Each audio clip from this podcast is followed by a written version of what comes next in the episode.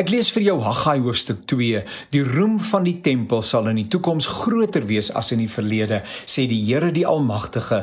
Op hierdie plek sal ek vrede gee, sê die Here die Almagtige.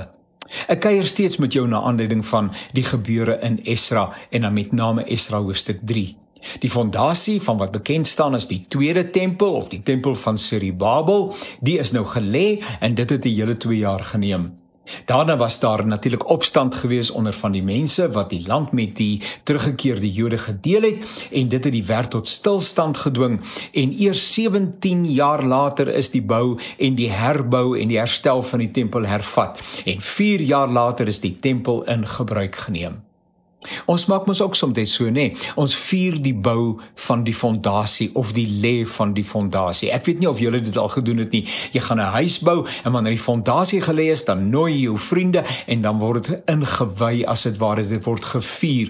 Want die fondasie is uiters belangrik en dit voorvertel dat iets mooi tot stand gaan kom.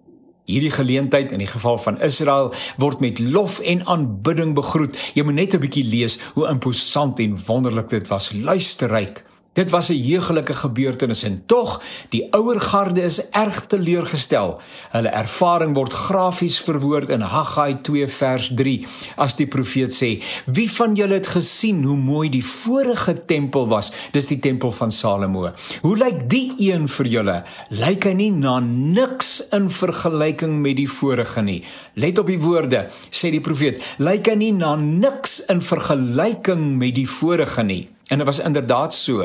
Wat oorgebly het in die land na die verwoestende ballingskap en alles wat daarmee saamgegaan het, was by verre nie in staat om die luisterryke aanbiddingsplek, die imposante aanbiddingsplek, die tempel van Salomo na sy ou glorie te herbou en te herstel nie.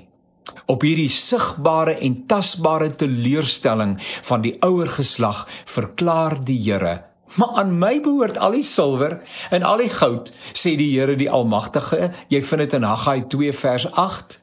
En wat die Here daarmee wil sê is, luister mense, ek is in staat om al die edelmetale en edelgesteentes te voorsien ten einde 'n plek van uitnemendheid soos die van Salomo te laat bou. Dis nie vir my 'n probleem nie, maar dis nie wat ek wil hê nie, want soos deur al die jare is God op soek na die harte van sy kinders en al mag daardie tweede tempel maar net 'n afbeelding wees van die glorieryke eerste tempel sê die Here as julle hart in die regte plek is as julle harte terugkom na my toe is dit meer as wat ek nodig het.